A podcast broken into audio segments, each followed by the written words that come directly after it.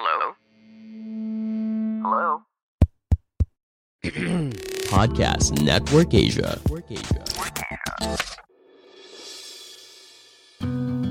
Sekarang Stoikas ID telah didukung oleh Podcast Network Asia. Buat teman-teman yang ingin mempelajari lebih lanjut tentang podcast atau kalian ingin tahu gimana caranya memonetisasi podcast, boleh banget kepoin dan ikutin media sosial Podcast Network Asia atau melalui situs web di podcastnetwork.asia. Dan untuk mempermudah proses monetisasi, daftarkan podcast kalian di podmetrics.co secara gratis.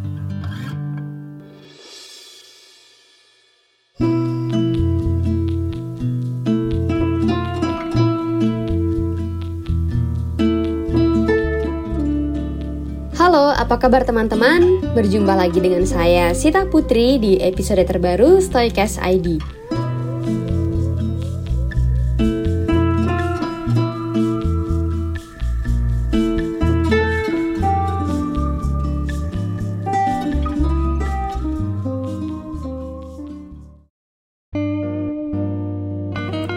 Di episode kali ini, aku akan membahas tentang nasihat penting dari Viktor Frankl tentang kesuksesan, yaitu jangan jadikan kesuksesan sebagai tujuan hidup.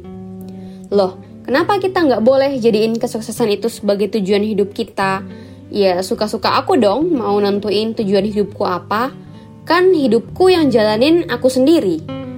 Hmm, oke okay, oke. Okay. Aku tahu sebagian teman-teman mungkin tujuan hidupnya adalah untuk sukses di bidang-bidang tertentu, baik itu bidang keluarga, pekerjaan, ataupun bidang pendidikan. Tapi aku boleh ya menjelaskan sedikit nasihat dari Viktor Frankl ini dalam bukunya Man's Search for Meaning yang di episode sebelumnya udah aku ulas. Kamu udah dengar episode sebelumnya? Kalau belum, dengerin episode ulasan buku Stoik tentang Man Search for Meaning dulu ya.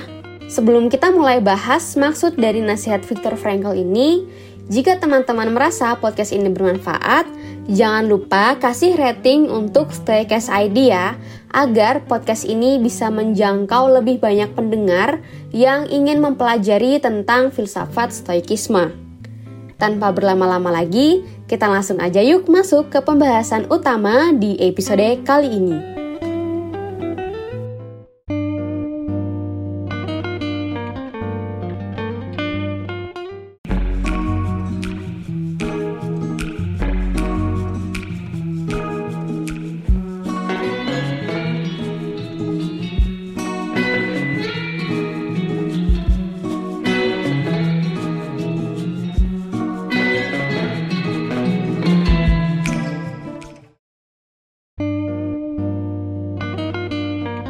Siapa yang pernah dan masih bercita-cita untuk bisa sukses di suatu bidang tertentu?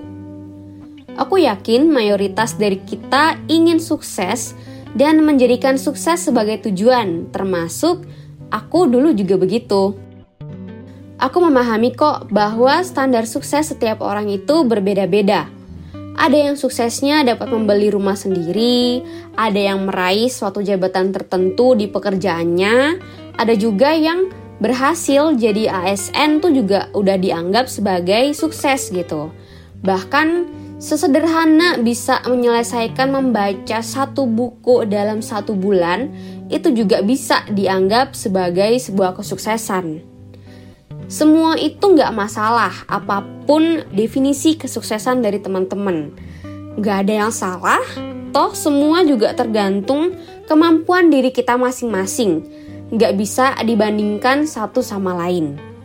Tapi, dari semua harapan kita tentang kesuksesan, apakah kesuksesan itu perlu kita jadikan tujuan utama? Dalam bukunya Man's Search for Meaning, Viktor Frankl yang merupakan psikiater sekaligus penyintas kamp konsentrasi Nazi menceritakan tentang kesuksesan bukunya bahwa ia sama sekali tidak menganggap hal tersebut sebagai suatu pencapaian. Malahan, dia merasa kesuksesan buku ini karena mencerminkan kebutuhan orang-orang masa kini, yaitu pencarian akan makna hidup. Menurut Frankel, pengalamannya selama di kamp konsentrasi dapat membantu para pembaca yang memiliki kecenderungan mudah putus asa, sehingga ia merasa bertanggung jawab untuk menuliskannya. Dari cerita Frankel, kita jadi bisa sedikit memahami bahwa kesuksesan itu tidak perlu kita kejar, tapi berfokuslah melakukan hal-hal baik yang sekiranya tidak hanya bermanfaat bagi diri kita, tapi juga bagi orang lain di sekitar kita. Lebih lengkap lagi, Frankel menasihati para mahasiswanya dengan berkata, "Semakin kamu menjadikan kesuksesan sebagai tujuan utama, semakin kamu menjauh darinya." Kesuksesan, sebagaimana kebahagiaan, tidak dapat dikejar. Hal itu pasti terjadi dan hanya sebagai efek samping dari hal-hal yang telah kita lakukan daripada kepentingan untuk diri sendiri atau sebagai efek samping dari membantu orang sekitar kita. Kamu harus membiarkan kebahagiaan dan kesuksesan terjadi begitu saja dengan tidak peduli padanya. Kamu cukup mendengarkan apa yang diinginkan hati nurani dan melakukan sebaik yang kamu bisa. Dalam jangka panjang, kesuksesan akan mengikuti tepat di belakangmu karena kamu telah lupa untuk mengejarnya. Kisahku mungkin hampir mirip dengan Viktor Frankl, meskipun aku nggak harus ditahan di camp konsentrasi ya. Jadi sedikit cerita tentang podcast ini terbit. Tujuanku membuat podcast saat itu adalah menjadikannya sebagai jurnal dalam mempraktekkan dan mempelajari stoikisme. Meskipun aku tidak berharap banyak orang akan mendengarkan Stoikes ID, namun, aku berharap podcast ini ditemukan dan didengarkan oleh orang-orang yang membutuhkannya. Ternyata di luar dugaanku, banyak yang mendengarkan dan mengirimkan pesan terima kasih teman-teman kepadaku. Jadi ini benar-benar di luar dugaanku gitu ya Dan aku sama sekali nggak menyangka dan nggak mengejar bahwa Oh nanti aku akan mendapatkan banyak followers Aku akan diundang untuk menjadi pembicara di suatu podcast atau di acara-acara tertentu. Enggak. Jadi memang tujuanku awalnya hanya sesederhana membagikan jurnal harianku gitu dan juga mengisi waktu aja waktu itu karena podcast ini diterbit waktu itu pas pandemi ya tahun 2020. Dari pembahasan kita di episode kali ini, aku ingin menyimpulkan bahwa apa pun tujuan kamu, Berfokuslah pada niat baik dari dalam diri dibandingkan pada kesuksesan, kemudian bangun habit atau kebiasaan yang bisa mengarahkan kamu ke tujuanmu. Hal ini juga diutarakan oleh James Clear dalam buku Atomic Habits tentang menentukan dan mencapai tujuan. Kira-kira begini, jika kamu sudah menentukan tujuan, maka fokuslah dalam membangun habit untuk mencapai tujuan itu dibandingkan mengejar tujuan atau target. Agar ketika tujuan belum tercapai, setidaknya ada habit baik yang sudah kamu bangun dan pasti bermanfaat untukmu dalam jangka panjang. Oke teman-teman, sekian dulu episode Stoikes ID kali ini. Terima kasih sudah mendengarkan hingga selesai.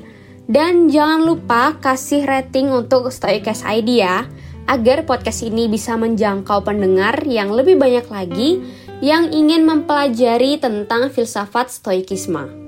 Saya Sita Putri pamit, sampai jumpa di episode selanjutnya. Bye!